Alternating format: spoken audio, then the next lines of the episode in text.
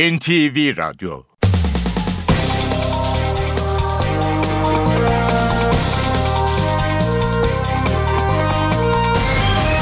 İşe Giderken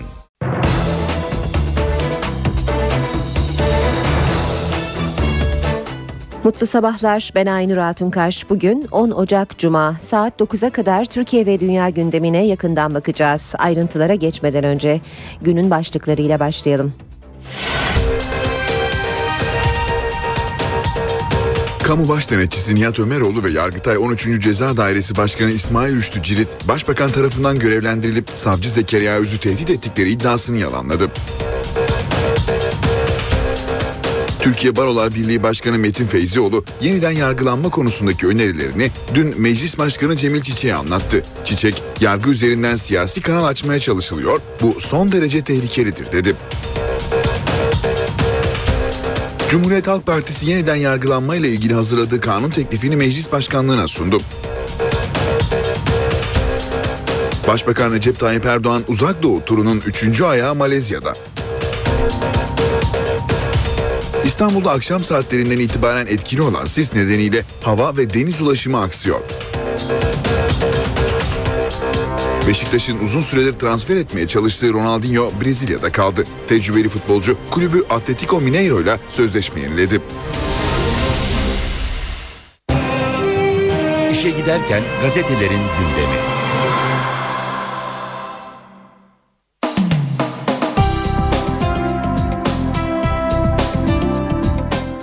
Basın özetlerine Hürriyet gazetesiyle başlıyoruz. Bu nasıl hukuk devleti diyor Hürriyet manşette. Meclis Başkanı Cemil Çiçek, hukuku bir tarafa bırakıyoruz. Siyasetin işimize nasıl e, siyaseten işimize nasıl geliyorsa tartışıyoruz ama sonra da diyoruz ki Türkiye hukuk devletidir. Bu nasıl hukuk devleti dedi. Çiçek yeniden yargılama yöntemiyle ilgili ziyaretine gelen Barolar Birliği Başkanı Metin Feyzioğlu ile görüşmesinden sonra konuştu. Hukuk devletinde hiç kimse her istediğini her istediği şekilde yapamaz. Yasa çerçevesinde yapacaktır. Sanki şu tartışma ortamında birileri kanuna kendisi uyuyor, başkaları uymuyormuş gibi suçlama yapıyor. Uymadığın kuralın arkasına nasıl sığınırsın? Biz bu işleri nasıl yürüteceğiz? Hukuka uyularak ve hukuk uygulanarak hukuk devleti olunur. Bugün yargının içinden ve yargının dışından, yargı üzerinden yargısal konularla ilgili bir siyasi kanal açılmaya çalışılıyor. Bu son derece tehlikelidir, dedi Cemil Çiçek. Babam da olsa hesabını versin. Eski Ulaştırma Bakanı Binali Yıldırım, İzmir'deki operasyonda gözaltına alınacaklar listesinde olan ancak halen bulunamayan Bacanağı Cemalettin haberdar için konuştu. Bacanağımız olmazsa babam olsun yanlışı olan varsa hesabını versin. Yeri yurdu bellidir giderler alırlar gereğini yaparlar adaletten kaçılmaz.''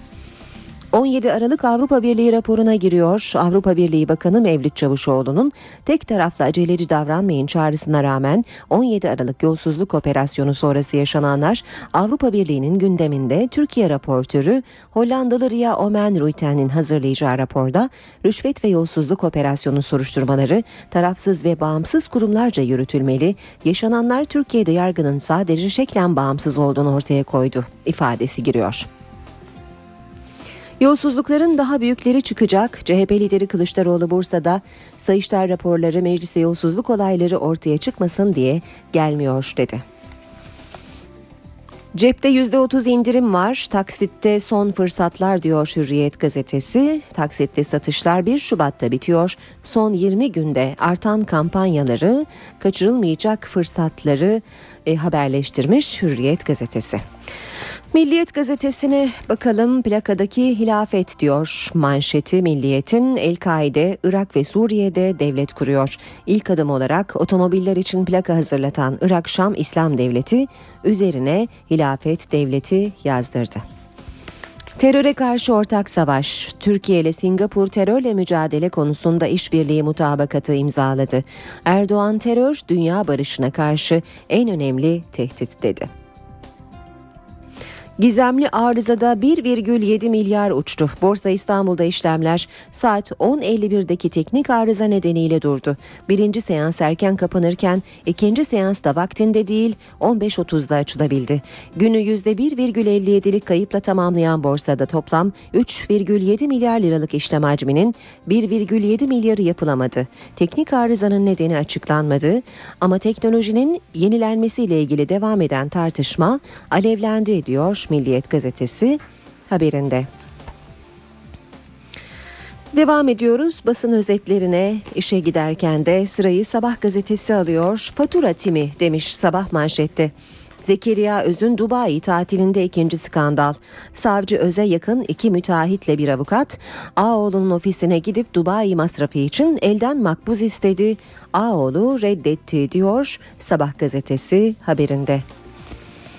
Bir diğer başlık Asya Pasifik açılımı. Singapur'a 18 yıl aradan sonra giden ilk Türk Başbakanı olan Erdoğan mevkidaşı Lee Hsien Loong'la görüşmesinden sonra şunları söyledi. Singapur Asya Pasifik'e açılmamızda önemli bir partner. Serbest ticaret anlaşmasına yönelik müzakerelerin başlaması için ilk adımı attık. Direkt uçuş yolu da açılmalı. Devam ediyoruz. Cumhuriyet gazetesiyle çırpındıkça batıyor demiş Cumhuriyet manşette. HSYK önerisi üzerinde tartışmalar sürerken AKP düne kadar hukuksuzluklara birlikte imza attığı yargıdaki cemaatçileri pasifize etmek için iki paket üzerinde daha çalışıyor demiş Cumhuriyet gazetesi. Yargıtay üyelerinin neredeyse tamamını cemaatin belirlemesine vize veren hükümet şimdi dairelerin yeniden şekillendirilmesinin formülünü arıyor. Adli kolluk yönetmeliği de ceza muhakemesi kanununa eklenerek AKP'ye göbekten bağımlı yargı oluşturulacak demiş Cumhuriyet gazetesi haberinde. Devam ediyoruz ee, basın özetlerine işe giderken de. Star gazetesi var sırada. Yalancının mumu ikindi de söndü demiş Star. Sosyal medyada ve internette üretilen kamu baş, baş denetçisi Ömeroğlu ve Yargıtay 13. Ceza Dairesi Başkanı Cirit Başbakan'dan savcı öze talimat götürdü yalanı dün akşama doğru iki kaynak tarafından da yalanlandı. Bir diğer başlık Dubai'ye gitti Bakırköy'e gidemedi. Şüpheli parasıyla Dubai'de ailece lüks tatile giden savcı Zekeriya Öz gerekçe göstermeden yeni görev yeri Bakırköy'e gitmedi. Odasını da boşaltmayan Öz karara itiraz ettim dedi. Sierra'nın katili akıllı çıktı. Sarayburnu'ndaki surlarda öldürülen Amerikalı Sierra'nın katili Ziya Tasalı'nın akıl sağlığı raporu çıktı. Rapor Lazia'nın cezai sorumluluğunun tam olduğunu söylüyor.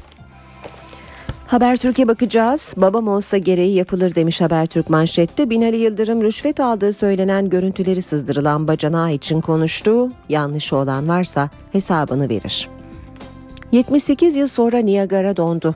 Eksi 18 derecelik hava Amerika'da Niagara şelalesini dondurdu. Şelale en son 1936'da donmuştu. Havalar soğuyor. Pazartesi itibarıyla doğuda kar, Marmara dışındaki bölgelerde yağmur başlıyor. Meteorolojiye göre İstanbul'da çarşambaya kadar yağış beklenmiyor. Ayrıntılı bilgileri biz de programın içinde Gökhan'a buradan alacağız. Devam edelim yine Habertürk'ten aktarmaya. Bize hiç kimse görev vermedi. Özle görüştüğü iddia edilen iki hukukçunun açıklamaları var. Tehdit etmedik, soruşturmayı kapat demedik. Ombudsman Nihat Ömeroğlu ve Yargıtay 13. Ceza Dairesi Başkanı Cirit, Zekeriya Öz'ün tehdit iddiası için şunları söyledi. Başbakan tarafından görevlendirilmedik, tehdit etmek ve soruşturmayı kapatın dememiz asla söz konusu değil. Tamirciler kovulunca borsa takıldı demiş Habertürk. Borsa İstanbul dün saat 10.51'de teknik arıza yüzünden yaklaşık 5 saat işleme kapatıldı. Borsa ancak saat 15.42'de açılabildi. İddiaya göre altyapıyı kuran şirket battı. Yama yazılım yapanlar kovuldu. Kovulanlar rica ile geliyordu, dün gelmedi. Habertürk'ün haberine göre. Yeni Şafak'a bakalım. Komplonun farkındayız demiş Yeni Şafak gazetesi haberinde. Hükümeti hedef alan 17 Aralık operasyonunun yolsuzlukla mücadele bahanesine vatandaşlar da inanmadı. Denge araştırmanın yaptığı ankete göre halk operasyonu paralel devletin komplosu olarak görüyor ve arkasında Gülen hareketinin olduğuna inanıyor. Bir başka e, anket sorusu da Beydua'ya nasıl bakıyorsunuz olmuş. bu araştırmada. Devam edelim. Öz şov yapıyor başlığıyla Adalet Bakanı Bozdağ HSYK'nın Bakırköy'e gönderdiği savcı Zekeriya Öz'ün Başbakan Erdoğan'a yönelik iftiralarına tepki gösterdi demiş Yeni Şafak. Bozdağ savcılar her gün basının huzurunda, her gün gazete manşetlerinde artık Türkiye'de şov yapanlarla hukuku işletenlerin ayrılması lazım dedi. Zaman gazetesi işte HSYK düzenlemesinde anayasaya aykırı maddeler diyor. Hakimler ve Savcılar Yüksek Kurulu'nun neredeyse tüm yetkilerini Adalet Bakanı'na devretmeyi öngören kanun teklifi, anayasadaki yargı bağımsızlığı maddelerine açıkça aykırı, hukuk devleti ve kuvvetler ayrılığı ilkeleri hiçe sayılarak yargı yürütmenin kontrolü altına alınıyor. Bir diğer başlık Zaman Gazetesi'nde fotoğraflı büyükçe bir haber Polonezköy yapılaşma kıskacında. İstanbul'un en önemli tabiat parklarından 172 yıllık Polonezköy büyük bir tahribat tehlikesiyle karşı karşıya. 26 Aralık 2013'te askıya çıkan plana 24 Ocak'a kadar itiraz edilmezse bölgenin imarı açılmasının önünde hiçbir engel kalmayacak. Şehir Plancıları Odası İstanbul Şube Başkanı Tayfun Kahraman mevcut dokunun yoğun yapılaşmaya maruz kalacağını söylüyor. Ve radikalle bitiriyoruz basın özetlerini. İşin sırrı 3 kişide. HSYK baştan sona değişiyor. Hakim ve savcıların kaderi birinci dairenin elinde. Müsteşar doğal üye. Bakanlık aynı görüşte iki üye daha görevlendirirse istediği şekilde karar alabilecek diyor Radikal gazetesi haberinde. Bir diğer başlık bilete göre Öz 21'inde dönmüş. İstanbul Başsavcı Vekilliğinden Bakırköy Adliyesi'ne atanan Zekeriya Öz'ün tartışılan seyahatinin uçak bileti ortaya çıktı. 22 Ekim'de Dubai'de safariye gittiği de öne sürülen Öz 21'inde Türkiye'ye dönmüş diyor Radikal. Şimdi gündemin ayrıntılarına yakından bakmaya başlayalım. Kamu Baş Denetçisi Nihat Ömeroğlu ve Yargıtay 13. Ceza Dairesi Başkanı İsmail Rüştü Cirit, Başbakan tarafından görevlendirilip savcı Zekeriya Öz'ü tehdit ettikleri iddiasını yalanladı. Ömeroğlu ve Cirit 28 Aralık'ta Öz'le tesadüfen bir araya geldik ama açılan bir soruşturmayı kapatmaya kimsenin gücünün yetmeyeceği herkes tarafından bilinir, hiçbir hukukçu bunu söylemez dedi. Başbakan Recep Tayyip Erdoğan tarafından görevlendirilmemiz, özü tehdit etmemiz ve soruşturmayı kapatın dememiz asla söz konusu değil. Kamu Baş Denetçisi Nihat Ömeroğlu ve Yargıtay 13. Ceza Dairesi Başkanı İsmail Rüştü Cirit açıklama yaptı, Zekeriya Öz'ün iddialarını yalanladı. Zekeriya Öz'ün iddiasına göre Başbakanın gönderdiği iki aracı yolsuzluk ve rüşvet operasyonunun ardından savcı Öz'ü tehdit ederek soruşturmayı bırakmasını istedi. Bazı basın yayın organlarında bu iki ismin Nihat Ömeroğlu ve İsmail Rüştü Cirit olduğuna yer verildi. İddiaya konu edilen isimler Nihat Ömeroğlu ve İsmail Rüştü Cirit'ten açıklama geldi. Ömeroğlu ve Rüştü Cirit, savcı Öz'le görüştüklerini yalanlamadı. 28 Aralık tarihinde Bursa'da Zekeriya Öz'le tesadüfen bir araya geldiklerini belirttiler. Ancak Zekeriya Öz'ü tehdit ettiklerini yalanladılar. Nihat Ömeroğlu açıklamasında açılan bir soruşturmayı kapatmaya kimsenin gücünün yetmeyeceği herkes tarafından bilinen bir gerçektir. Hiçbir hukukçu bunu söylemez ifadesini kullandı.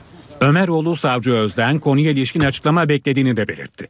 Hiçbir yargı mensubunun aracılık veya tehdit gibi hususları kabul etmeyeceğini ifade eden İsmail Rüştü Cirit ise soruşturmayı kapat diye bir söylem anlamsızdır ve olamaz dedi. Savcı Zekeriya Öz'ün iddialarına Adalet Bakanı Bekir Bozdağ'dan sert tepki geldi.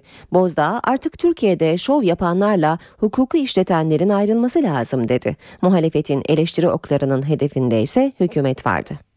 Biliyorsunuz yalanlandı. Bunların bir iftira olduğu başbakandan ifade edildi. Çok açık. Adalet Bakanı Bekir Bozdağ'ın tepkisi savcı Zekeriya Öz'e. Zekeriya Öz, yolsuzluk operasyonunun ardından kendisine Başbakan Recep Tayyip Erdoğan'ın yüksek yargı kökenli iki aracı gönderdiğini iddia etti. Öz'ün bu iddiasına Bekir Bozdağ sert tepki gösterdi. Savcılar e, görevlerini yaparken anayasa ve hukuk çerçe- çerçevesinde görevlerini sürdürmelidirler. Türkiye'de şov yapanlarla hukuku işletenlerin mutlaka ayrılması lazım. Savcı Öz'ün iddiasına bir tepki de Meclis Adalet Komisyonu Başkan Vekili Hakkı Köylü'den geldi. Köylü Zekeriya Öz'ün açıklamalarının disiplin soruşturması gerektirdiğini savundu. Muhalefet ise hükümetin yargı üzerinde baskı kurduğu görüşünde. CHP ve MHP temsilcileri Adalet Bakanı Bekir Bozdağ eleştirdi. Hiç kimse kendisini halktan seçimlerde aldığı oyu meşruiyetin tek şart olarak gör, görmesin. O güce dayanarak her türlü otoriter uygulamayı e, deneyen hükümetler bugün o desteğin de arkalarında kalmadıklarını görürler. Sayın Bozdağ bizatihi Başsavcı Emniyet Müdürü'ne izin vermeyeceğim demek suretiyle Başsavcı, Başsavcı Vekiline ve Emniyet vermeyeceğim demek suretiyle bu soruşturmada taraf tuttuğunu açıkça ortaya koymuştur. CHP'li Akif Hamza Çebi ve MHP'li Oktay Vural'ın sözleriydi. AK Parti İzmir Milletvekili Ali Aşlık Twitter hesabından savcı Zekeriya Öz'ü hedef aldı.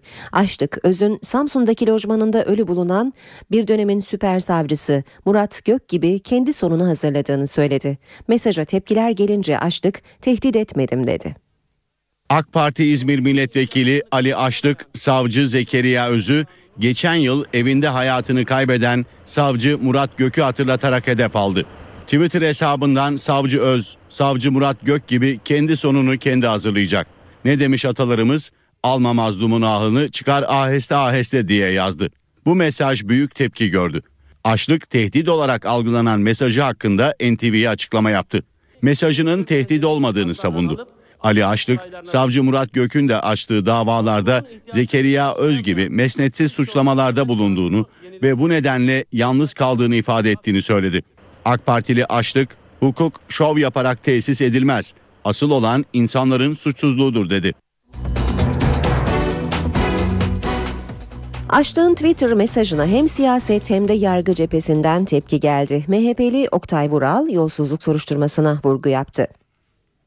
Tehdit ediyorlar herhalde. Haram paraları aklayanların üstünü örtenler nasıl hesap verecek bunu bir öğrensin bakalım. Onların sonlarının nasıl olduğunu biliyor mu? CHP'li Emrehan Halıcı, Bülent Arınç'ın Twitter'ı sıkça kullanan siyasilere yönelik eleştirilerini hatırlattı. Hükümet bu aralar gerekli gereksiz hükümetlileri çok değişik konuşmalar yapıyorlar. Ee, Sayın Arınç da biliyorsunuz e, gene internetteki, sosyal medyadaki paylaşımlarla ilgili pek şık olmayan e, tabirler kullandı. İnternetli düşünceler her bir biçimde ifade edilebilir. Ancak bunlar tabii ki kayıt altındadır. Barolar Birliği Başkanı Metin Feyzioğlu'ndan da uyarı geldi. Yargıyı siyaseti malzemesi yapan yargı mensuplarını baskı altına e, bu anlamda alacak her türlü açıklamadan titizlikle kaçınmamız lazım. Türkiye Barolar Birliği Başkanı Metin Feyzioğlu yeniden yargılanma konusundaki önerilerini dün Meclis Başkanı Cemil Çiçek'e anlattı. Çiçek yargı üzerinden siyasi kanal açılmaya çalışılıyor bu son derece tehlikelidir dedi. Feyzioğlu CHP Genel Başkanı Kemal Kılıçdaroğlu ile de bir araya geldi. Siyasi parti başkanlarından çok daha fazla yargı başkanları konuşuyor. Yargı üzerinden yargısal konularla ilgili bir siyasi kanal açılmaya çalışılıyor. Bu son derece tehlikelidir. Meclis Başkanı Cemil Çiçek, yargıdaki son gelişmeleri bu sözlerle eleştirdi. Cezaevinde insanlar ümitle yaşar. Ama bir de onların aileleri var dışarıda.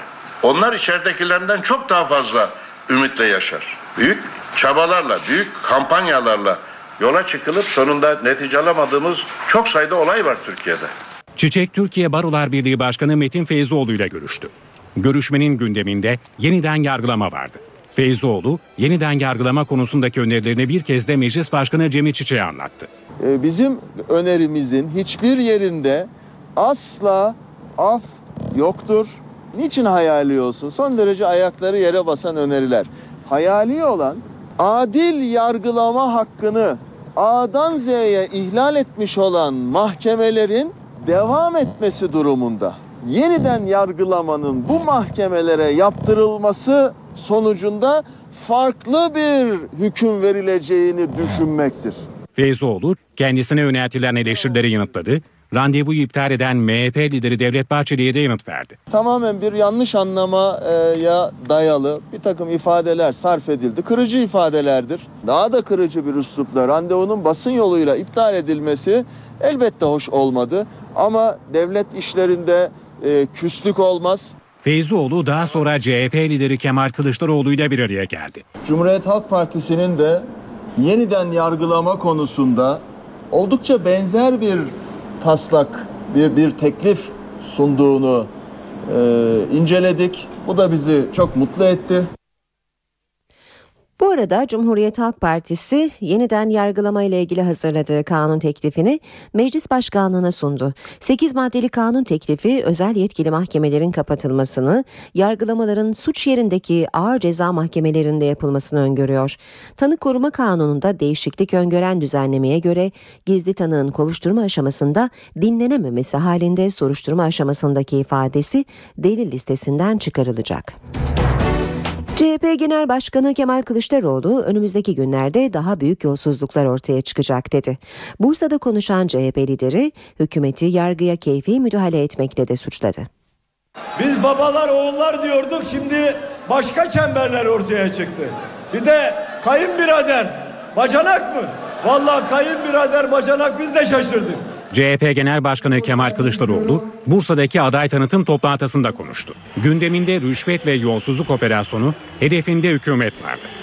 Türkiye'de babaların çocuklarına temiz siyaseti öğrettiği bir rüyaya ihtiyacımız var. Sayıştay raporları gelmiyor meclise. Neden? Yolsuzluklar ortaya çıkmasın diye.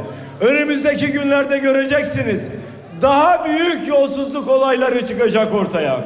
Kılıçdaroğlu özel yetkili mahkemelerin kaldırılması ile ilgili tartışmalara değindi. Özel yetkili mahkemeler siyasal iktidarın sopası olarak kullanılan mahkemelerdir. Bu mahkemelerin verdiği kararlar doğru değildir dedik. Şimdi yolsuzluk dosyalarını kapatmak için unutmayın bunu. Bu tuzağa düşmeyin. Yolsuzluk dosyalarını kapatmak için buraya balıklama atladılar. CHP lideri Kılıçdaroğlu mal varlığı ile ilgili her zaman şeffaf olacağını söyledi. Siyasete girdiğim gün bütün mal varlığımı, mal varlığımı açıkladım. İnternet sitesine koydum. Benim mal varlığım meydanda. Benim çocuklarımın gemileri yok. Benim çocuklarımın adını kimse bilmez. İzmir'deki liman operasyonunda hakkında gözaltı kararı bulunan ve halen aranan isimlerden biri de eski Ulaştırma Bakanı Binali Yıldırım'ın bacanağı. Yıldırım bu konuda ilk kez konuştu. Bacanağım değil babam da olsa gereği yapılacak, adalet yerini bulacak dedi. Bu bir adli vakadır. Süreç başlamıştır. Yani soruşturması devam eden bir iş hakkında ne bizim detaylı bilgi almamız söz konusu değildir. Böyle bir şeye de ihtiyaç yoktur. Yargı kendi işini yapsın. Bacanağım olmazsa babam olsun. Yanlışı olan varsa hesabını verir kardeşim. Hiç kimse bunu oraya buraya istismar etmeye kalkmasın. Yeri bellidir, yurdu bellidir. Giderler, alırlar, gereğini yaparlar. Amerika Birleşik Devletleri Dışişleri Bakanlığı sözcüsü 17 Aralık sürecini takip ettiklerini ve bütün taraflarla görüştüklerini söyledi. Sözcü Jen Psaki günlük basın toplantısında soruları yanıtladı. Amerika'nın Türk halkının sivil ve cezai konularda adalet, zamanlılık ve şeffaflığı karşılayan bir hukuk sistemine yönelik arzusunu desteklediğini belirten sözcü, Türkiye'nin Amerika'nın kilit bir müttefiki olduğunun da altını çizdi. Endişelendiğimiz bir gelişme olursa bunu doğrudan, özelden ve alenen dile getirdik ve getirmeye de devam edeceğiz dedi. Vakıflara ait pansiyon ve yurtların hazineye devrine ilişkin hazırlanan yasa tasarısı dershanelerden sonra yeni bir tartışmayı da başlattı. Başbakan Yardımcısı Bülent Arınç cemaat yurtları ile ilgili bir operasyonun söz konusu olmadığını söyledi. Arınç bu açıklamayı Başbakan Erdoğan'la birlikte gittiği Singapur'da yaptı ne cemaat yurtları ile ilgili bir operasyon söz konusu ne de yeni e, vakıfların veya Vakıflar Genel Müdürlüğü'nün denetimi altında bulunan mülhak, mazbut vakıfların hiçbirisiyle konu doğrudan ilgili değil. Sadece sosyal yardımlaşma dayanışma vakıfları tarafından fakir öğrencilerimiz için yapılmakta olan yurtların tapudaki dayanıklarını ve hazine arazilerinden istifade edebilmelerini Milli Eğitim Bakanlığı'na devredebilmelerini kolaylaştıran bir e, kolaylık söz konusu. Başbakan Tayyip Erdoğan uzak doğu turunun 3. ayağı Malezya'da. Başbakan Malezya Başbakanı Najib Tun Razak tarafından başbakanlıkta gerçekleştirilen resmi törenle karşılandı. Başbakan Erdoğan resmi törenin ardından Malezyalı mevkidaşıyla baş başa ve heyetler arası görüşmelere başladı. Ardından iki başbakan ortak basın toplantısı düzenleyecek. Başbakan basın toplantısından sonra Malezya Uluslararası İslam Üniversitesi'ndeki Fahri Doktora törenine katılacak. Araştırma ve Dönüşüm Vakfı ve Razak Yönetim Okulu tarafından düzenlenecek Dönüşen Doğu Asya Pasifik Bölgesi ve Türkiye konulu konferansa katılacak olan Başbakan, daha sonra mevkidaşı Razak'ın verdiği akşam yemeğine katılacak. Başbakan Erdoğan daha sonra İstanbul'a hareket edecek. Suriye'de gerginlik sürüyor özellikle sınıra yakın bölgelerde. Bu da en çok Akçakale'yi etkiliyor. İlçedeki okullarda eğitime pazartesi gününe kadar ara verildi. Suriye'de çatışmalar şiddetini artırdı. Silah sesleriyle yankılanan Akçakale'de eğitime yeniden ara verildi. Çatışmalardan kaçan Suriyelilerin göçü hız kazandı. Suriye'nin Tel Abyad bölgesinde İslami cephe ile Irak Şam İslam Devleti arasında 3 gün önce başlayan çatışmalar yoğunlaştı. Çatışmalardan seken mermi ve mühimmat parçaları Akçakale'de bazı ev ve iş yerlerine isabet etti.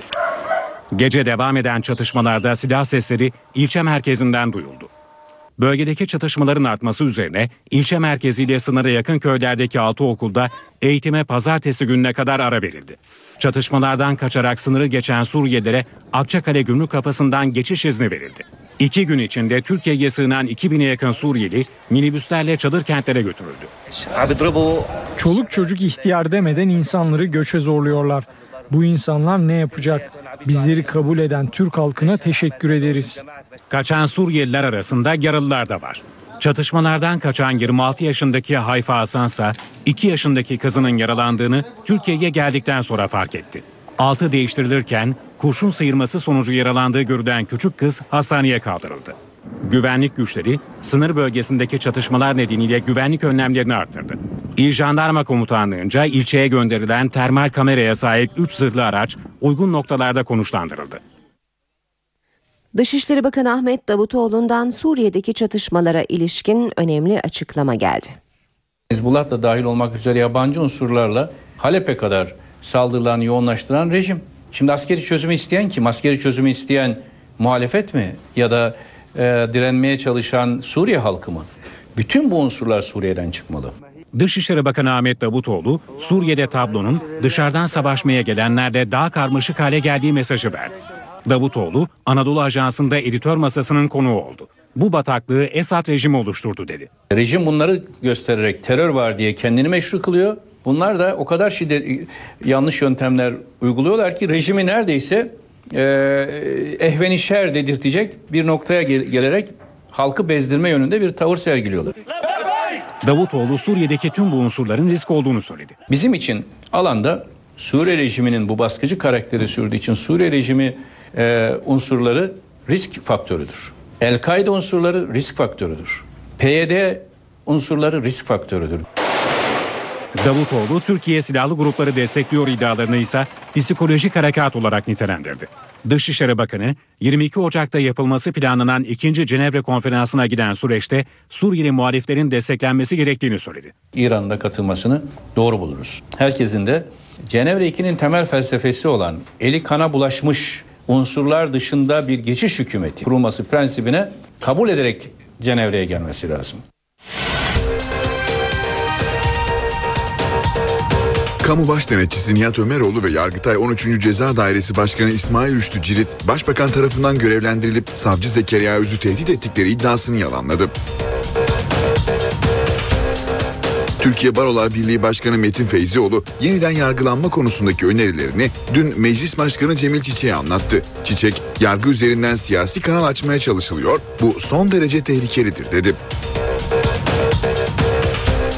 Cumhuriyet Halk Partisi yeniden yargılanma ile ilgili hazırladığı kanun teklifini meclis başkanlığına sundu. Başbakan Recep Tayyip Erdoğan uzak doğu turunun 3. ayağı Malezya'da. Beşiktaş'ın uzun süredir transfer etmeye çalıştığı Ronaldinho Brezilya'da kaldı. Tecrübeli futbolcu kulübü Atletico Mineiro ile sözleşme yeniledi. Cumhuriyet Halk Partisi Cezaevi Komisyonu üyeleri askeri casusluk davası sanıklarının yakınlarıyla mecliste basın toplantısı düzenledi. CHP'liler bir orduda 400 casus olur mu diye sordular. CHP'li milletvekilleri askeri casusluk davasını meclis gündemine taşıdı. Yolsuzluk operasyonuna gönderme yapan milletvekilleri toplantıya ayakkabı kutusu ve para sayma makinesi de getirdi. Basın toplantısında davada yargılananların yakınları da vardı. Bu kutunun içinde bir binbaşının eşine olan sevgisi var. Küçük bir asker çocuğunun cezaevindeki babasını beklerken döktüğü gözyaşı var. Mezhebe göre fişleme var. CHP Cezaevi Komisyonu üyesi Veli Ağbaba, Ergenekon ve Balyoz davalarının ardından askeri casusluk davasına ilişkin de kumpas iddialarını dile getirdi. Bu kutunun içerisinde maalesef kendi personeline sahip çıkmayan bir genel kurmay var. Pandora'nın kutusu açıldı. İçinden diğer davalarda olduğu gibi orduya kumpas çıktı. Bir orduda 400 tane casus olur mu? Eğer ordu içerisinde 400 casus varsa o ordunun komutanı o koltukta oturur mu? Bugün buradan da bir ihtarda bulunuyoruz, bir suç duyurusunda bulunuyoruz. Ağbaba'nın ardından kürsüye dava kapsamında uzun süredir tutuklu bulunan askerlerin yakınları geldi. Benim çocuğumu orduya 13 yaşında teslim, teslim ettim askeri okullara. Artık bu benim evli, bizim evladımız dediler. Peki evlatlarına böyle mi sahip çıktılar? Bir F-16 pilotun eşi olmak nasıl bir duygu? Bunu hiç düşündünüz mü? Eşimi her gün işe giderken ardından bakardım. Acaba eve akşam gelecek mi? Genel kurulda yine tansiyonu yüksek bir oturum vardı. Uludere olayı ile ilgili askeri savcılığın takipsizlik kararı vermesinin ardından BDP'nin Uludere olayına ilişkin verdiği araştırma önergesi görüşüldü. Tartışmalı geçen oturumu yöneten Meclis Başkan Vekili Meral Akşener de sözlü sataşmalara hedef oldu. Meclis Genel Kurulu'nda bu kez gerginliğin adı Uludere oldu. AK Parti Gaziantep Milletvekili Şami Tayyar, 34 kişinin yaşamını yitirdiği operasyonun çözüm sürecini engellemek isteyenlerce yapıldığını savundu. BDP itiraz etti. Bu operasyonun devlet içindeki derin odaklarla PKK içindeki irtibatlı grupların Mossad'dan lojistik destek sağlayarak gerçekleştirmiş olmasıdır. Terör Roboski'de katliamı yapmaktır. O uçaklar eğer PKK'ya ait olmuş olsaydı biz o zaman terör yaftasını PKK'ya yapıştırırdık.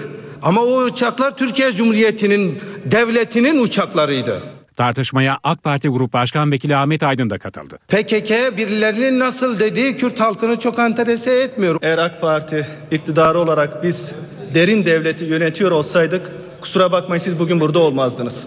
Yüksek tansiyon üzerine BDP'liler yeniden söz almak istedi. Oturumu yöneten Meral Akşener, BDP'lilerin korkuyorsunuz sözüne tepki gösterdi. Bir saniye, bir saniye, bir saniye, bir saniye. Bir Hayır, saniye. vermemizden niye korkuyorsun? Ben muhterem ben Allah'tan başka Allah şahittir hiç kimseden bugüne kadar korkmadım, korkmayacağım. Bugün de PKK adına söz alır gibi bir konu olduğu zaman siz de ben de suç işliyoruz. Yanlış anlaşılmalara engelleme tavrımın korkaklıkla algılandırılması şiddetle reddediyorum. Yani cesaretimi her alanda ispat etmeye hazırım. Kayseri İl Genel Meclisi'nde AK Partili ve MHP'li üyeler arasında tartışma çıktı. MHP'li üye AK Partili üyeye yumruk attı. İl Genel Meclisi'ndeki tartışma bir kum ocağına ait işletme ruhsatının uzatılması görüşmeleri sırasında çıktı. MHP'li Halit Demir meclisin kukla ve maşa olarak kullanıldığını iddia etti. AK Partili üyeler ise bu sözlere tepki gösterdi. Görüşmeye ara verilmesinin ardından tartışma salon dışında kavgaya dönüştü. Bu sırada MHP'li Halit Demir, AK Partili üye Mehmet Akif Başar'e yumruk attı. İkili diğer üyelerin araya girmesiyle sakinleştirildi. Adalet Komisyonu'nda görüşmelerine başlanan demokratikleşme paketi alt komisyona gönderildi. İlk kez Adalet Bakanı sıfatıyla Bekir Bozdağ'ın da katıldığı toplantıda iktidarla muhalefet temsilcileri arasında tartışmalar oldu. Demokratikleşme paketi Meclis Anayasa Komisyonu'ndan alt komisyona gönderildi. Başbakan Recep Tayyip Erdoğan'ın 30 Eylül'de açıkladığı düzenlemelerin yer aldığı paket, Kürtçe propaganda ve siyasi partilerde eş başkanlık uygulamasına imkan tanıyor. Genel seçimlerde %3'ten fazla oy alan partilere hazine yardımı yapılmasını da öngören paket, özel okullarda Kürtçe eğitime de imkan tanıyor. Paketin görüşmeleri sırasında Adalet Bakanı Bekir Bozdağ ile CHP'li Süheyl Batum arasında uzun tutukluluk tartışması yaşandı. Bir savcının Batum, Bozdağ milletvekilliği döneminde tutukluluğu 10 yıla çıkartan önerge verdiğini hatırlattı. dünyada böyle bir öneri getiren ilk ve tek bakan sizsiniz dedi. Onu hocam Bozdağ, Batum'a tutuklanmayla ilgili sınırlama yoktu o dönemde. İhtiyaç üzerine bir çalışma yapıldığı sözleriyle yanıt verdi. Komisyonda AK Parti ile CHP arasında içki tartışması da yaşandı. CHP'li Mahmut Tanal, pakette yer alan toplantı ve gösteri yürüyüşü kanunundaki değişikliği eleştirirken 12 Eylül'de sandalla denize açılır, slogan atardık ifadelerini kullandı. Bunun üzerine AK Parti'den içki de içer miydiniz sorusu gelince Tanal, siz içmeye hasret kalmışsınız. İçki sizin fıtratınızda var. Siz de gizli içki içiyorsunuz sözleriyle tepki gösterdi.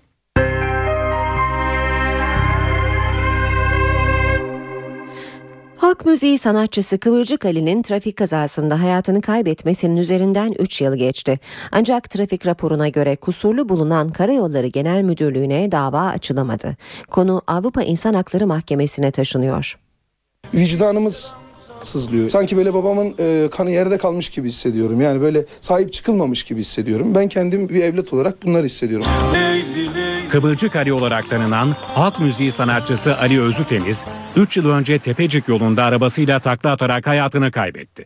Trafik raporuna göre Karayolları Genel Müdürlüğü kusurluydu. Ancak yargı izin engeline takıldı. Vali izni olmadığı için tazminat davası hala açılamadı. Trafik işaretleri yok, aydınlatma yok, karayolları genel müdür yetkililerinin çok ciddi ihmalleri var. Biz adalet beklerken, adaletin tecellisini bek- beklerken, gerekli bütün hukuki yollara başvururken hala tazminat dosyasında karar verilmemiş olması, bırakın kararı bir duruşma gününün dahi verilmemiş olması son derece manidar ve düşündürücü. 3 senede bir tane taş oynamamış yerinden henüz. Hani tabela koymak, ışık koymak değil bir tane taşı oynatmamışlar daha yerinden. Hani bu hem insan hayatını ne kadar e, ucuza indirgediklerini hem e, halka mal olmuş bir sanatçıyı kaybetmesine rağmen oradaki ölüm yolu diye adlandırılan yolda hala bir tedbirin alınmamasını İç hukuk tükenince trafik kazası Avrupa İnsan Hakları Mahkemesi'ne de taşındı. Avrupa İnsan Hakları Mahkemesi başvuruyu kabul ederse Karayolları Genel Müdürlüğü taksirle ölüme sebebiyet vermekten yargılanacak. Muğla'nın Marmaris ilçesinde geçirdiği trafik kazasından 11 gün sonra vefat eden tiyatro sanatçısı Huban Öztoprak'ın cenazesi dün toprağa verildi. 26 yaşındaki tiyatro sanatçısı Uban Öztoprak gözyaşlarıyla son yolculuğuna uğurlandı. Turne için gittiği Marmaris'te trafik kazası geçirip ağır yaralanan genç oyuncu 11 gün boyunca yoğun bakımda yaşam mücadelesi verdi. Ancak olmadı. Organizasyonu düzenleyen ve kaza sırasında Huban Öztoprak'la aynı araçta bulunan Saygın Kurt kazayı anlattı. Biraz uyalım e, deyince koltuğu yatırdığını hatırlıyorum. Kafasını cama dayadı. Zaten cama dayadığı andan itibaren e, olay oldu. Tabii eğer cama e, dayamasaydı şu anda aramızdaydı. Arkadaşları, sevenleri, oyuncu arkadaşları cenaze törenindeydi.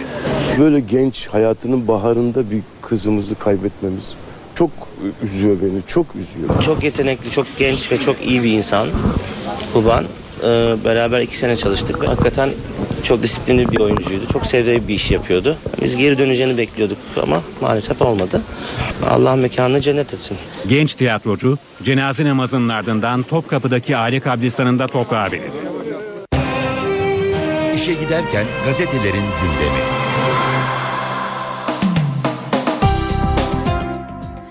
Şimdi spor gündemiyle e, ilgili başlıklara bakacağız. Önce spor gazetelerine bakalım.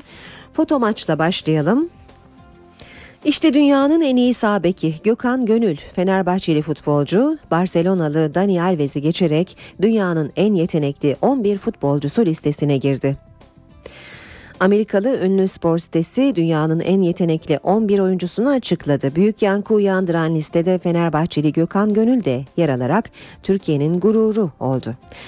Neden Dani Alves'in yerine Gökhan Gönül'ü tercih ettik diye bir açıklama yapan site, Gönül potansiyel olarak daha ağır basıyor, ofansif anlamda daha yıpratıcı, iki ayağını da iyi kullanıyor ve tekniği daha iyi ifadesini kullandı.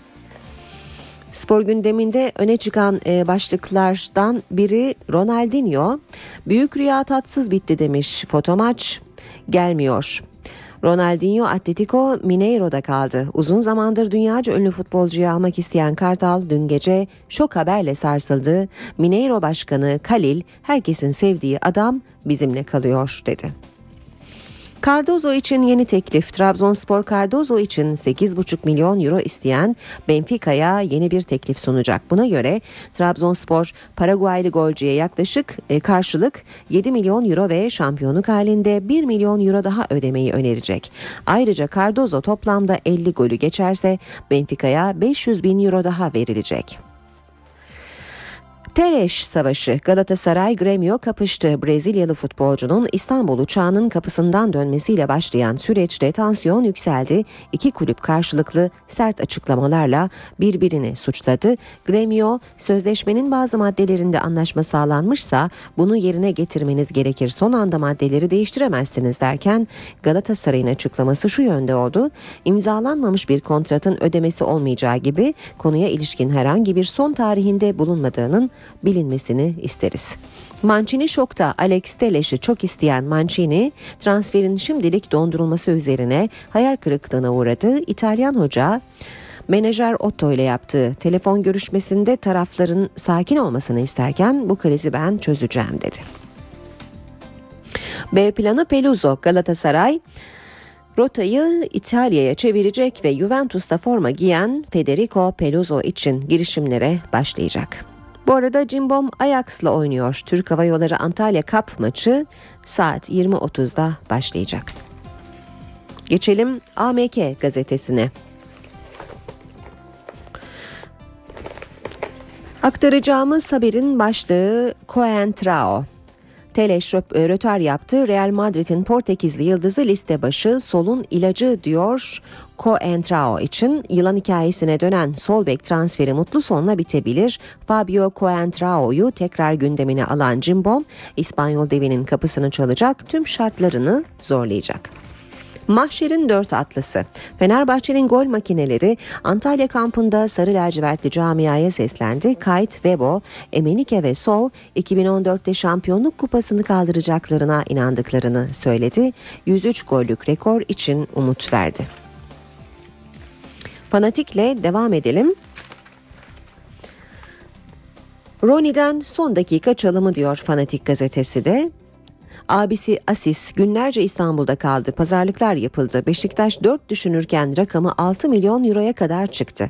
Ancak Ronaldinho son çalımını Kartal'a imzayı da 5 milyon euro karşılığında sözleşmesi biten Mineiro'ya attı diyor Fanatik gazetesi. Şimdi e, diğer gazetelerin spor sayfalarına bakacağız. Milliyete e, bakalım önce. Milliyetten İlk başlık basketboldan tersine dünya. Euroleague'de sezona müthiş başlayan ve ilk turu lider tamamlayan Fenerbahçe Ülker top 16'daki ikinci maçında da galibiyetle tanışamadı. Deplasmandaki Olympiakos yenilgisinin ardından sahasında Barcelona'ya da yenilerek hayal kırıklığı yaşattı. Maçın skoru 73-76. Trabzon tatilde. Bordo Mavili ekip Antalya Cup'ın ilk maçında bekleneni veremedi. İskoç temsilcisi Celtic'e boyun eğdi. Skor 3-1. Yine Milliyet gazetesinden aktaralım. Devrim olacaksa altyapıdan olur. Fatih Terim Süper Lig'den sonra dün de PTT birincilik ve Elit Akademi teknik sorumlularıyla bir araya geldi. Futbolumuzda devrim olacaksa altyapıdan olacak dedi. Milliyet gazetesinden spor haberleri aktardık. Hürriyete de bakalım. Yanal'ın 6'ya 13 formülü Fenerbahçe'de planlar sezonun ikinci yarısının ilk 6 haftası için yapılıyor. Teknik heyet bu süreçte en az 5 galibiyet ve bir beraberlik hedefliyor. Elde edilecek 16 puanın şampiyonluk yolunda kendilerini fazlasıyla rahatlatmasını hedefleyen Ersun Yanal aynı süre içinde 3 cephede toplam 13 maç oynayacak. Yakın rakipleri Galatasaray'ın yıpranacağını düşünüyor. Yine Hürriyetten aktaralım. Çakır 4 gol attı, Aydınus sarı kart gördü. Hakemler kendi aralarında oynadıkları maçta futbolculara taş çıkarttı.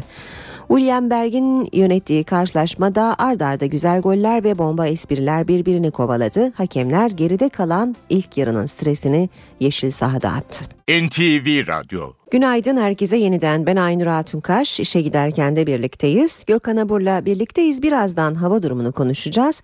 Ama önce gündemin başlıklarını hatırlatalım.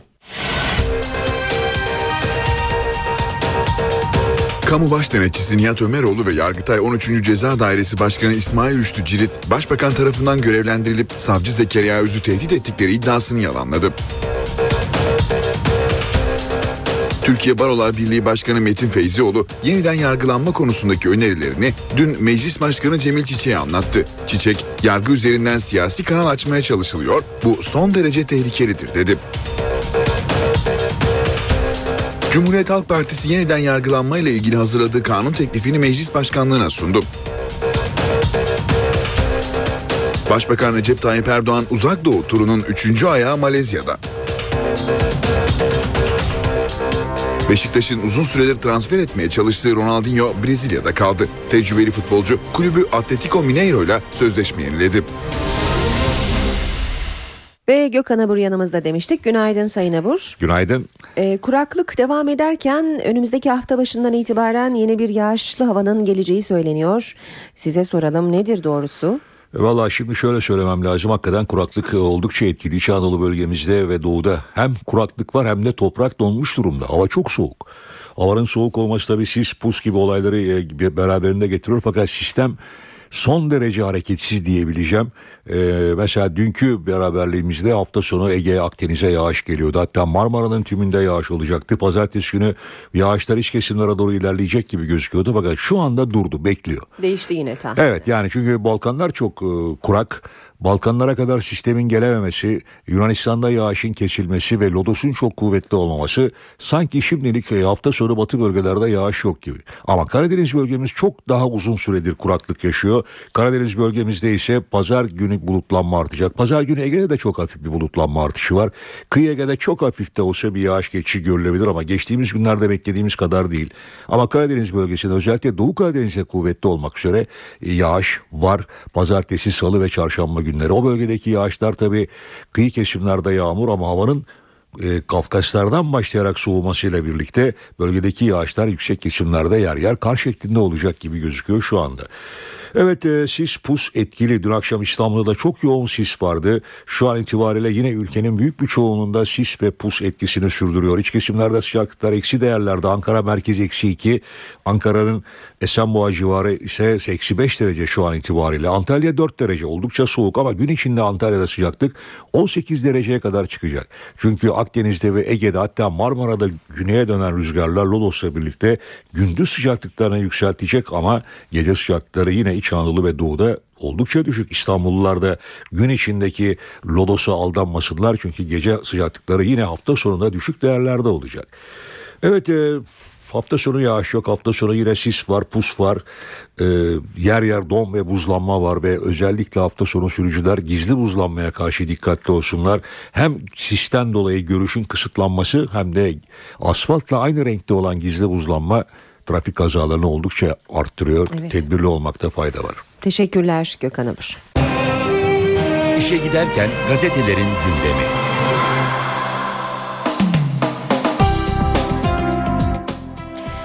Şimdi bir manşet turu yapacağız. Gazetelerin birinci sayfalarına hızlıca göz atacağız. Hürriyet gazetesiyle başlayalım. Hürriyet'in manşeti bu nasıl hukuk devleti?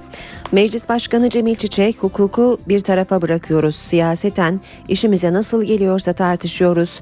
Ama sonra da diyoruz ki Türkiye hukuk devletidir. Bu nasıl hukuk devleti dedi. Milliyet gazetesinin manşeti plakadaki hilafet. El-Kaide Irak ve Suriye'de devlet kuruyor. İlk adım olarak otomobiller için plaka hazırlatan Irak Şam İslam Devleti üzerine hilafet devleti yazdırdı. Devam edelim gazetelere bakmaya. Radikal'de manşet, işin sırrı 3 kişide. Hakimler ve Savcılar Yüksek Kurulu baştan sona değişiyor. Hakim ve savcıların kaderi birinci dairenin elinde. Müsteşar doğal üye. Bakanlık aynı görüşte iki üye daha görevlendirirse istediği şekilde karar alabilecek. Cumhuriyet gazetesi çırpındıkça batıyor demiş. HSYK önerisi üzerinde tartışmalar sürerken AKP düne kadar hukukçu, e, hukuksuzluklara birlikte imza attığı yargıdaki cemaatçileri pasifize etmek için iki paket üzerinde daha çalışıyor demiş. Cumhuriyet gazetesi Yargıtay üyelerinin neredeyse tamamını cemaatin belirlemesine vize veren hükümet şimdi dairelerin yeniden şekillendirilmesinin formülünü arıyor. Adli kolluk yönetmeliği de ceza muhakemesi kanununa eklenerek AKP'ye göbekten bağımlı yargı oluşturulacak. Cumhuriyet'in manşet haberiydi. Zamanda işte HSYK düzenlemesinde anayasaya aykırı maddeler manşetini görüyoruz. Kamuoyunda yargıya darbe olarak yorumlanan HSYK'nın çalışma usulüne ilişkin 52 maddeli kanun teklifi anayasanın yargı bağımsızlığını öngören 138 ve devamındaki maddelere açıkça aykırılık teşkil ediyor diyor zaman. HSYK'nın neredeyse tüm yetkilerini Adalet Bakanı'na devretmeyi öngören kanun teklifi hukuk devleti ve kuvvetler ayrılığı ilkelerini hiçe sayıyor diyor. Yürütme, yargının da yürütmenin kontrolü altına alınıyor diye devam ediyor haber. Sabah gazetesiyle devam edelim. Fatura timi manşeti var sabahta. Zekeriya Öz'ün Dubai tatilinde ikinci skandal. Savcı Öz'e yakın iki müteahhitle bir avukat Ağoğlu'nun ofisine gidip Dubai masrafı için elden makbuz istedi. Ağoğlu reddetti. Yeni Şafak'ta komplonun farkındayız başlığı manşette. Hükümeti hedef alan 17 Aralık operasyonunun yolsuzlukla mücadele bahanesine vatandaşlar da inanmadı. Denge araştırmanın yaptığı ankete göre halk operasyonu paralel devletin komplosu olarak görüyor ve arkasında Gülen hareketinin olduğuna inanıyor demiş Yeni Şafak gazetesi. Habertürk'e bakalım babam olsa gereği yapılır manşetiyle çıkmış Habertürk. Binali Yıldırım rüşvet aldığı söylenen görüntüleri sızdırılan bacanağı için konuştu. Yanlışı olan varsa hesabını verir.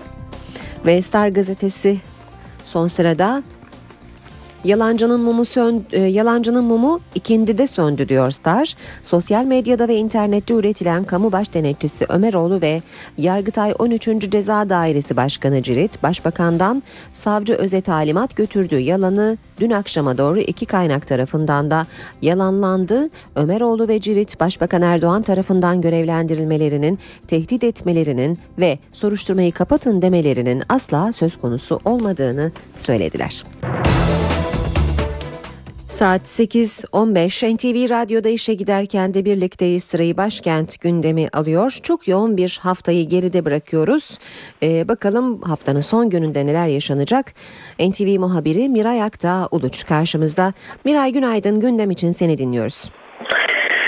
Günaydın Aynur. Çok yoğun bir haftayı e, geride bıraktık senin de söylediğin gibi ama bugün de yoğun olacak. Ve gündemin en önemli maddeleri yine 17 Aralık operasyonu ve sonrasındaki yaşanan gelişmeler olmaya devam edecek. Bununla ilgili olarak bugün Hakimler ve Savcılar Yüksek Kurulu'nun yapısını değiştiren düzenleme Ankara gündeminin en önemli başlıklarından biri olarak dikkat çekiyor. HSYK ile ilgili düzenleme salı günü AK Parti tarafından meclis başkanlığına sunulmuştu. Bugün de Adalet Komisyonu gündemine geliyor. E, söz konusu düzenleme ile ilgili Türkiye Barolar Birliği de bugün Adalet Bakanlığı'na bir rapor sunmaya hazırlanıyor. Bunun yanı sıra muhalefetten gelen eleştiriler var. Muhalefet söz konusu düzenlemenin bakana, Adalet Bakanı'na çok fazla yetki verdiğini düşünüyor ve bu yüzden de komisyondaki görüşmeleri sert geçecek gibi görünüyor. HSYK düzenlemesinin e, bugün saat 15'te Adalet Komisyonu'nda görüşülmeye başlanacak söz konusu düzenleme. Gündemdeki bir başka tartışmada yeniden yargılama, yeniden yargılama konusunda dün kanun teklifini Cumhuriyet Halk Partisi Meclis Başkanlığı'na sunmuştu. Türkiye Barolar Birliği ise bu konudaki önerilerini Adalet Bakanlığı'na sun, sunmuştu dün. AK Parti ve e, AK Parti cephesinden gelecek bu konudaki değerlendirmeler önemli. Ancak e, Cemil Çiçek'in bu konuda önemli bir hatırlatması da olmuştu. Eğer bu konuda siyaset kurumu çözüm bulamazsa sorumlu olabilir şeklinde bir uyarıda bulunmuştu. E, ayakları yere basan değerlendirmeler yapılması gerektiğini ifade etmişti Cemil Çiçek açıklamasında. Başkentin gündemindeki öne çıkan diğer maddelere gelince Cumhurbaşkanı Abdullah Gül Ensar Vakfı Ankara Şubesi Başkanı ve beraberindeki heyeti kabul ediyor. Dışişleri Bakanı Fransa'ya hareketinden önce havalimanında açıklamalarda bulunacak ve son olarak bugün 10 Ocak Çalışan Gazeteciler Günü ve bu kutlanacak başkent Ankara'da. Ee, bununla ilgili olarak parlamento muhabirlerine e, PMD'ye ziyaretler gerçekleşecek siyasilerden ve o ziyaretler sırasında gazetecilerin gündeme ilişkinde soruları olacak. Meclisteki basın toplantılarında yakından takip edeceğiz Aynur. Miray teşekkürler. Kolay gelsin.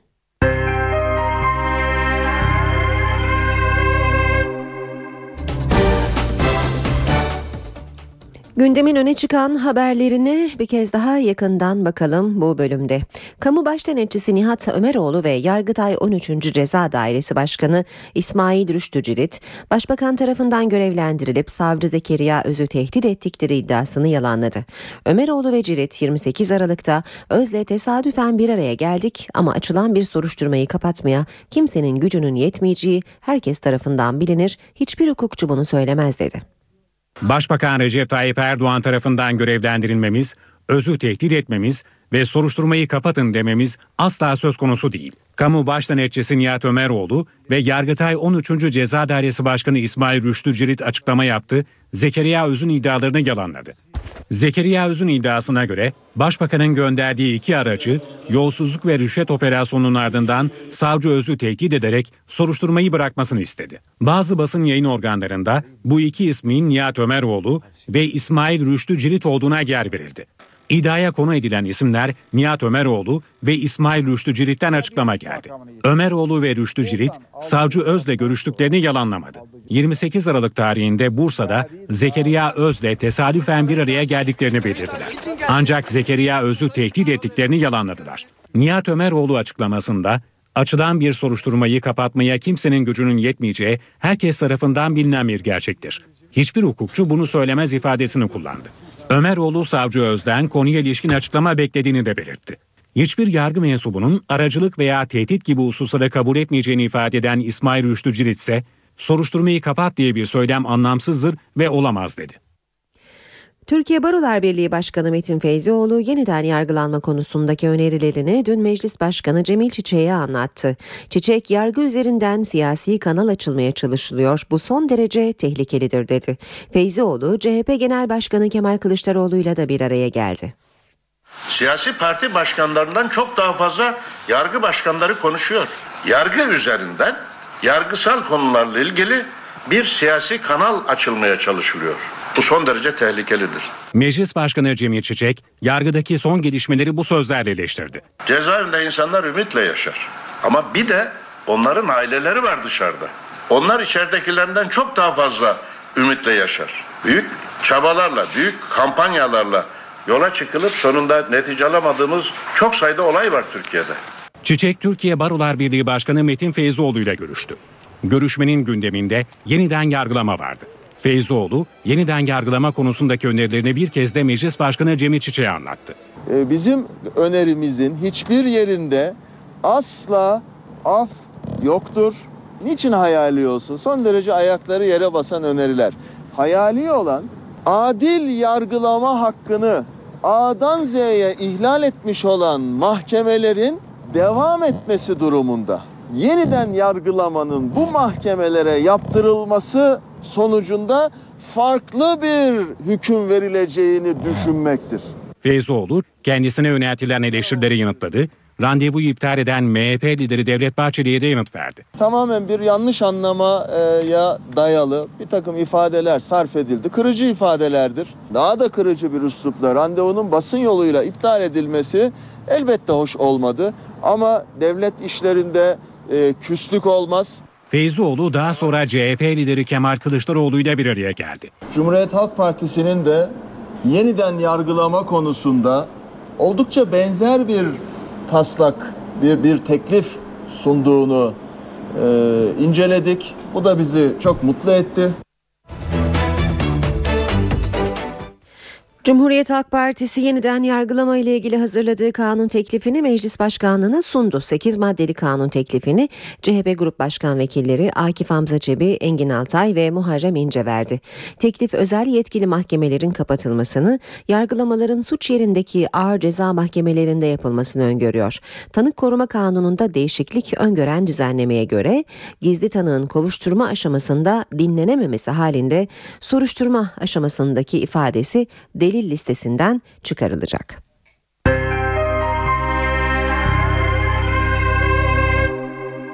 Türkiye kuraklık tehdidiyle karşı karşıya. Bu yıl yeterli yağış alamamaktan şikayet eden çiftçiler rekoltede de kayıp bekliyor. Ankara'da konuşan Orman ve Su İşleri Bakanı Veysel Eroğlu ise yağışın az olmasının kuraklığa neden olmayacağı görüşünde. Yağışlar azaldı. Yurt genelinde kuraklık tehlikesi baş gösterdi. Beklediğimiz yağış olmadı. Sonbahar aylarında yağmur yağmadı. Şu anda ekinlerimiz daha çimlenmedi. Türkiye'de buğday üretiminin %10'unun karşılandığı Çukurova, kuraklıktan en çok etkilenen bölgelerin başında geliyor. Yaşanan meteorolojik kuraklık e, dolayısıyla hasatta e, rekolte kaybına bir miktar sebep olacaktır. Yani %30 e, civarında ürün kaybına e, sebep olabileceğini tahmin ediyoruz. Kuraklıktan etkilenen bölgelerden biri de İç Anadolu. Konya'da tarlada ekili ürünler gelişmedi. Bahar iyi gelirse çiftçinin yüzü güler. Yani şu durumda yani çiftçi zor durumda. Aksaray'da son 20 yılın en büyük kuraklığı yaşanıyor. Rekoltede önemli kayıp bekleniyor. Buğday çıkmış ama çıkan buğday geri kurumuş. Yani en azından yüzde 40, yüzde 50 şimdi kuraktan dolayı çiftçinin şey var, kaybı var. Kuraklık Karadeniz bölgesinde de etkili oldu. Bir aydan beri yağmur yağmıyor.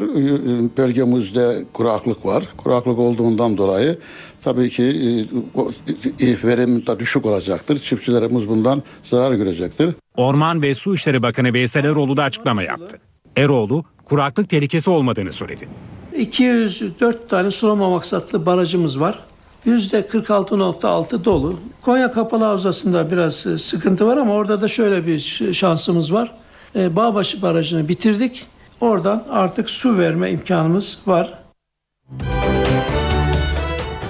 Küresel krizden en çok etkilenen sektörlerden otomotivde 2013 yılı rekorla tamamlandı. Geçen yıl dünya genelindeki otomobil satışları ilk kez 80 milyonu aşarak tarihin en yüksek seviyesine çıktı. 2013'te dünya genelinde her saniyede yaklaşık 3 otomobil satıldı. Geçen yıl otomotiv sektörü için iyi bir yıl oldu. Otomobil satışları ilk kez 80 milyonu geçerek rekor kırdı. Türkiye'de 2013'ü rekor satış rakamına ulaşarak kapattı. Otomotiv Distribütörleri Derneği'nin rakamlarına göre otomobil satışları ilk kez 600 bini geçerek rekor kırdı. Bir danışmanlık şirketinin araştırmasına göre küresel otomobil satışları bir önceki yıla göre %4,2 arttı. 2013 yılında dünya çapında 82 milyon 800 bin adet otomobil satıldı. Dünyanın en büyük otomobil üreticileri olan ABD ve Çin'de artan satışların rekorda önemli katkısı olduğu belirtildi. Henüz resmi olarak açıklanmasa da geçen yıl Çin'de 21 milyon otomobilin satıldığı tahmin ediliyor. Buna göre dünyadaki her 4 otomobilden biri Çin'de satıldı. Araştırmayı yayınlayan şirketin tahminlerine göre dünya genelinde 2014'te 85 milyon otomobil satılması bekleniyor. Otomobil satışlarının 2018 yılında da 100 milyona ulaşacağı tahmin ediliyor. Türkiye'de her yıl her 100 kişiden ikisi gribe yakalanıyor. Bu yıl yeni bir virüs var ve acil servisler dolup taşıyor. Bazı hastalar ilaç bulamamaktan şikayetçi. İlaç yok iddialarına Sağlık Bakanlığı'ndan açıklama geldi. Bakanlık ruhsatlı antiviral ilaçların temininde herhangi bir sıkıntı yaşanmadığını ve eczanelerde satıldığını duyurdu. Her 100 kişiden ikisi grip. Acil servise başvuran iki kişiden biri grip. Eczacılar hastalığa neden olan H3N2 virüsü tedavisine kullanılan bazı ilaçların depolarda bulunmadığını söylüyor. Hiçbirisi depolarımızda şu an mevcut değil. Ee, olmamasının nedenini de e, Türkiye'de uygulanan ucuz ilaç politikasından dolayı firmaların getirmediği şeklinde biliyoruz. Bugünlerde sürekli bizden bu ilaçlar talep ediliyor ve biz e, olmadığını söylüyoruz. Bu durumun nedenini ise eczacılar şöyle açıklıyor. Ben de şaşkınlık içindeyim. E, depolara sorduğum zaman ilk defa başladığında iki hafta kadar önce hiçbir şekilde bu yıl gelmediği, ithal olanın ithal edilmediği, Türkiye'de üretilenin üretilmediğini söylediler. Anlayabilmiş değilim. Ticaretini yapan insanların e, tam en çok satışını yapacakları dönemde ilacı ithal etmeyen, göndermedikleri, üretmedikleri ya da Türkiye tarafından ithal edilmediğini anlayabilmiş değilim. Grip tedavisine kullanılan antiviral ilaçların bulunmadığı iddiasına ise Sağlık Bakanlığı'ndan yalanlama geldi. Bakanlık ruhsatlı antiviral ilaçların temininde herhangi bir sıkıntı yaşanmadığını ve eczanelerde satıldığını duyurdu. Sağlık Bakanlığı uyarı ve tavsiyelerde de bulundu. Antibiyotiklerin grip tedavisinde etkili olmadığını, hekim tavsiyesi dışında antibiyotik kullanılmaması gerektiği vurgulandı. Bakanlık ayrıca gripten korunmak için dengeli beslenme ve istirahat etme tavsiyesinde de bulundu. Şimdi piyasalara bakalım. Negatif seyir devam ediyor. Teknik arıza nedeniyle günün yarısında kapalı olan Borsa İstanbul satıcılı bir seyir izledi. Endeks %1,36 düşerek 66.413 puandan kapandı. Dövizde de yükseliş hakimdi. Dolar tarihi zirvesini denedikten sonra 2.18'in altına indi. Euro da 2.96'lı seviyelerden işlem gördü. Bu sabahta hem dolar hem euro aynı seviyelerde seyrediyor. Euro dolar paritesi 1.36, dolar yen 105 düzeyinde, altının onsu 1237 dolar, kapalı çarşıda külçe altının gramı 87, çeyrek altın 152 liradan işlem görüyor, Brent petrolün varili 107 dolar. Kamu Baş Denetçisi Nihat Ömeroğlu ve Yargıtay 13. Ceza Dairesi Başkanı İsmail Rüştü Cirit, Başbakan tarafından görevlendirilip Savcı Zekeriya Öz'ü tehdit ettikleri iddiasını yalanladı. Türkiye Barolar Birliği Başkanı Metin Feyzioğlu yeniden yargılanma konusundaki önerilerini dün Meclis Başkanı Cemil Çiçek'e anlattı. Çiçek, yargı üzerinden siyasi kanal açmaya çalışılıyor, bu son derece tehlikelidir dedi. Cumhuriyet Halk Partisi yeniden yargılanma ile ilgili hazırladığı kanun teklifini meclis başkanlığına sundu. Başbakan Recep Tayyip Erdoğan uzak doğu turunun 3. ayağı Malezya'da. Beşiktaş'ın uzun süredir transfer etmeye çalıştığı Ronaldinho Brezilya'da kaldı. Tecrübeli futbolcu kulübü Atletico Mineiro ile sözleşme yeniledi. Başbakan Erdoğan uzak doğu turunun üçüncü ayağı olan Malezya'da. Başbakan Erdoğan resmi törenle karşılandı. Erdoğan'ın Malezya turunun ayrıntılarını e, ve programı Murat Barış Koralp'ten dinleyelim. Başbakan Erdoğan uzak doğu ve uzak Asya temaslarının 3. gününde Malezya'da birkaç dakika önce Malezya Başbakanı ile birlikte kameraların karşısındaydı. Ortak bir basın açıklaması yaptı. İki lider Başbakan Erdoğan konuşmasında ortak dini ve kültürel değerlere sahip olduğunu iki ülkenin belirtti ve İslam ve demokrasinin birlikte yaşayabileceği iki ülkenin kanıtı olarak gösterdi. Hem Türkiye'yi hem de Malezya'yı serbest ticaret anlaşmasının bir sonraki müzakere turunun Türkiye'de düzenleneceğini hatırlattı. Nihai görüşmelerin imza safhasına geçilmesinin de Nisan ayında olacağını belirtti. Nisan ayında Malezya Başbakanını tekrar bu son imzayı atmak üzere Türkiye'ye davet etti. Ekonomi ağırlıklı bir görüşme oldu kesin çünkü e, ekonomik işbirliğini 1,5 milyar dolardan 5 milyar dolara çıkarma hedefini de her iki başbakan da ifade ettiler. Bunun sonrasında Başbakan Erdoğan Malezya'da ne yapacak kısaca ona da değinmekte fayda var. Malezya Uluslararası İslam Üniversitesi'nde Fahri Doktora verilecek Başbakan Erdoğan'a orada da bir konuşma yapması bekleniyor. Başbakanın ardından da Araştırma ve Dönüşüm Vakfı Razak Yönetim Kurulu tarafından düzenlenecek Dönüşen Doğu, Asya Pasifik bölgesi ve Türkiye konulu bir konferansa katılacak başbakan. Kendisinin de ifade ettiği gibi finali tırnak içindeki ifadeyle finali ise resmi akşam yemeğiyle yapacak 22.30 sularında buradaki saatle yani Türkiye saatiyle ifade edecek olursak da 16.30 sularında Malezya'dan uzak doğudan uzak Asya'dan ayrılacak başbakan ve gece 03.04 sularında Türkiye'de olması bekleniyor. Kısaca basın toplantısını ve Malezya temaslarının ayrıntılarını böyle özetleyebiliriz. Şırnak'ta silahlı saldırıya uğrayan geçici köy kurucusu hayatını kaybetti. Edinilen bilgilere göre evli ve üç çocuk babası olan Hasan Caner, Dicle mahallesindeki evinin önünde kimliği belirsiz kişilerin silahlı saldırısına uğradı. Ağır yaralanan Caner, Şırnak Devlet Hastanesi'ne kaldırıldı ancak kurtarılamadı. Adli tıp İstanbul'da öldürülen Amerika vatandaşı Saray Sierra'nın katil zanlısının akıl sağlığının yerinde olduğuna karar verdi. Katil zanlısı Ziya Tasalı'nın akıl sağlığı ile ilgili rapor davaya bakan İstanbul 5. Ağır Ceza Mahkemesi'ne ulaştı. Raporda Ziya Tasalı'da akıl hastalığı ve zayıflığı saptanamadığı cezai sorumluluğunun tam olduğu belirtildi. Ziya Tasalı kasten öldürme suçundan ağırlaştırılmış müebbet, nitelikli cinsel saldırı ve hırsızlık suçlarından 19 yıla kadar hapis cezası istemiyle yargılanıyor. Davanın 3. duruşması 16 Ocak'ta yapılacak.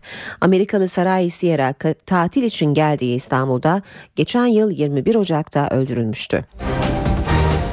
Zonguldak'ta kocasını boğarak öldüren kadın serbest bırakıldı. 34 yaşındaki Ayşe Güle cinayeti ağır tahrik altında işlediği ve küçük çocukları olduğu göz önüne alınarak tutuksuz yargılanmak üzere serbest bırakıldı. Genç kadın eve alkollü gelen eşini boğarak öldürdükten sonra polise teslim olmuştu. 21 gün önce ilik nakli olan lösemi hastası 8 yaşındaki Melis Akbaş'tan yüzleri güldüren iyi haber geldi. Melis'e nakledilen ilikte doku uyumu sağlandı. Eğer her şey planlandığı gibi giderse Melis çok yakında evinde olacak. Lösemi hastası 8 yaşındaki Melis'ten iyi haber geldi. İlik nakli başarılı oldu. Geçen ay ilik nakli olan 8 yaşındaki Melis Akbaş'ta istenen doku uyumu sağlandı. Melis 10 gün sonra taburcu olabilecek. 3 haftalık dönem e, kendi kemik iliğinin yok olduğu, yeni kemik iliğinin yeni e, oluştuğu bir dönem oluyor. E, bu dönemi de e, çok olaylı olarak geçirebilirdi ama oldukça sakin bir e, dönem geçirdi ve e, dün itibariyle de yeni kemik iliğinin tutmuş olduğunu görüyoruz. Melis sevinçli haberi annesinden aldı. Zaten kendisi kafasına koymuştu. Ben bu hastalığı yani bu sağlığıma kavuşmadan buradan gitmek istemiyorum demişti zaten. Kardeşine çok düşkün ve bana her seferinde de e, Berat'a yani Berat Arda ismi ona iyi bakmamı söylüyor. Melis taburcu olduktan sonra bir yıl süresince koruyucu ve önleyici tedavi görecek. Para sadece bir ödeme aracı değil, hastalık taşıyıcısı olabilir. Bir banknot üzerinde taşıdığı binlerce bakteri nedeniyle birçok hastalığa neden olabiliyor. Bu hastalıkların neler olabileceğini ve ne tür önlemler alınabileceğini enfeksiyon uzmanı Profesör Önder Ergönül'e sorduk. Bir banknotun üzerinde 26 bini aşkın bakteri var. Oxford Üniversitesi'nin yaptığı araştırmaya göre bu bakteriler grip, solunum ve idrar yolları enfeksiyonlarına kadar birçok hastalığa neden olabiliyor. Nasıl ki sıtmada sivrisinek nasıl bir rolü varsa paranın da böyle bir rolü olabilir. Bulaştırıcılıkta gerçekten önemli bir rolü olabilir. Mide bağırsak yollarını tutan hastalıklar, örneğin ishale neden olan hastalıklar daha ön planda olacaktır. Birkaç haftadır salgın haline gelen grip de elden ele dolaşan para yoluyla bulaşabiliyor. Yeni basılmış banknotlarda bile yaklaşık 2500 bakteri bulunuyor. Uzmanlara göre Türkiye'deki paralar Avrupa ve Amerika'daki paralardan daha fazla mikrop taşıyor. Türkiye'deki parayı örneğin bir Amerikan dolarıyla baktığınızda çok daha kirli, çok daha buruşuk, çok daha eskimiş görebilirsiniz. Yani insanların bunu saklamasıyla da ilişkili. Paradan bakteri bulaşmaması için basit önlemler alınabilir. Paraların iyi saklanması en önemli önlemlerden bir tanesi. Yani ne bileyim cüzdan taşımak mesela önemli bir e, şey olabilir. Onun dışında yine her, her fırsatta ellerin yıkanması başka şeyleri de koruyacağı için iyi bir önlem olacaktır.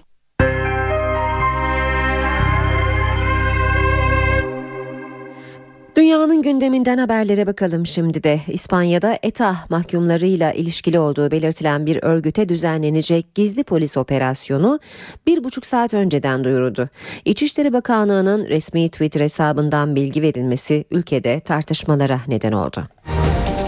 Amerika Birleşik Devletleri'nin New York eyaletindeki New Jersey eyaletindeki köprü skandalı vali yardımcısını görevinden etti. Muhalif belediye başkanını zor durumda bırakmak için köprünün birkaç şeridinin valilik tarafından bilinçli olarak kapatıldığının ortaya çıkması ülkede tartışma yarattı. New Jersey eyaletindeki skandal önceki gün basına yansıyan mail ve cep telefonu mesajlarıyla patlak verdi. Eyaletin valisi Chris Christie'nin ekibinin 4 ay önce New Jersey ve New York'u birbirine bağlayan köprünün iki şeridini bilinçli olarak kapattığı ortaya çıktı. Köprünün diğer ucundaki Fort Lee Belediyesi'nin başkanı New Jersey valisinin seçim kampanyasına destek vermemişti. Husumetin bundan kaynaklandığı belirtiliyor. Amerikan basınına yansıyan e-posta ve mesajlarda emri vali yardımcısının verdiği görülüyor. Amerika Birleşik Devletleri'nde hedef adam haline gelen Vali Christie yardımcısını görevden aldı, halktan özür diledi. New Jersey halkından özür diliyorum. Bu skandalın mimarlarının benim ekibimde olmalarından utanç duyuyorum. Gerçekten bilmiyordum. Köprünün iki şeridi Eylül ayında 4 gün boyunca kapalı kalmış, trafikte sıkışan yardım ekiplerinin ulaşamadığı yaşlı bir kadın hayatını kaybedince halkın tepkisi iyice artmıştı. Yine Amerika ile devam edelim. Kuzey Amerika'yı etkisi altına alan kutup soğukları etkisini kaybetmeye başladı. Ama sıcaklık dereceleri yine de eksilerde. Dünyanın en önemli doğal harikalarından Niagara Şelalesi dondu. Bazı eyaletlerde termometreler eksi 30'ları gördü. Kanada ve Amerika Birleşik Devletleri sınırındaki Niagara Şelalesi bölgede sıcaklık eksi 20'lere düşünce dondu. Bu anı kaçırmak istemeyenler de fotoğraf makinelerinin deklanşörlerine bastı. Niagara Nehri ve şelalesi 1936 yılında da tamamen donmuştu. Amerika Birleşik Devletleri'nin New York kentinde de kutupları andıran sahneler kaydedildi. Hudson Nehri'nde buzlar arasında sıkışan tekne ancak yardımla bölgeden çıkabildi. Amerika Birleşik Devletleri'nde etkili olan kutup soğukları pazar gününden bu yana 20'den fazla kişinin yaşamını yitirmesine neden oldu. Ülkedeki 50 şehirde termometreler rekor derecede düştü. Orta Batı bölgesi eksi 37'leri görürken New York eksi 16 ile son 118 yılın en soğuk gününü yaşadı. Toplumsal yaşam kurallarına uymak konusunda ileri seviyede olduğunu e, düşündüğümüz ülkelerin başında İngiltere geliyor. Sert ve caydırıcı para cezaları herkesçe biliniyor. Ancak ortaya çıkan bir durum kesilen cezaların tahsilatı konusunda başarılı olmadıklarını gösteriyor.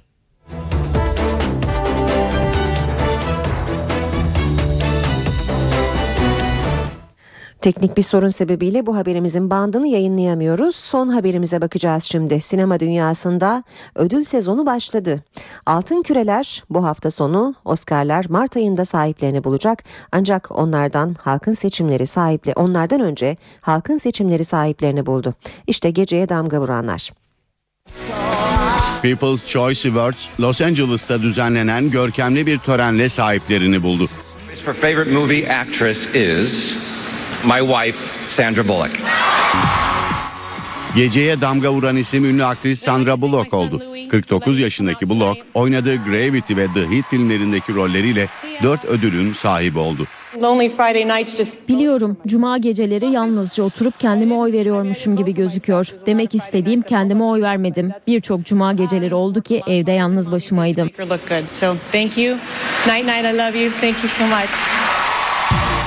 Geceden ödüllerle ayrılan bir başka isim de şarkıcı oyuncu Justin Timberlake oldu. Justin Timberlake. Timberlake favori albüm, favori aktör ve favori R&B sanatçısı dallarında 3 ödül kazandı. Robert Downey Jr. Iron Man 3'teki rolüyle ödül kazanırken geceden bir rekorda çıktı. E2'de yayınlanan Ellen DeGeneres Show'un sunucusu DeGeneres 14. defa People's Choice Awards'ın sahibi oldu. 14. This is incredible. I... New Orleans'ta büyürken biri bana 14 defa People's Choice Awards'u kazanacağımı söyleseydi yani 12 olur, 13 olur ama 14 People's Choice Awards. I I mean 12 yes, 13 maybe but 14 Gecede CNBC'de yayınlanan The Big Bang Theory 3. defa favori komedi dizisi seçilirken dizinin oyuncularından Kelly Kuko da favori komedi dizisi aktrisi seçildi. People's Choice Awards internetten verilen oylarla sahiplerini buluyor. Bu yılki ödülleri için 700 milyondan fazla kişinin oy kullandığı belirtiliyor. İşe giderken bu haberle sona erdi. Haber merkezi kuşağı saat başında başlayacak. Hoşçakalın. NTV Radyo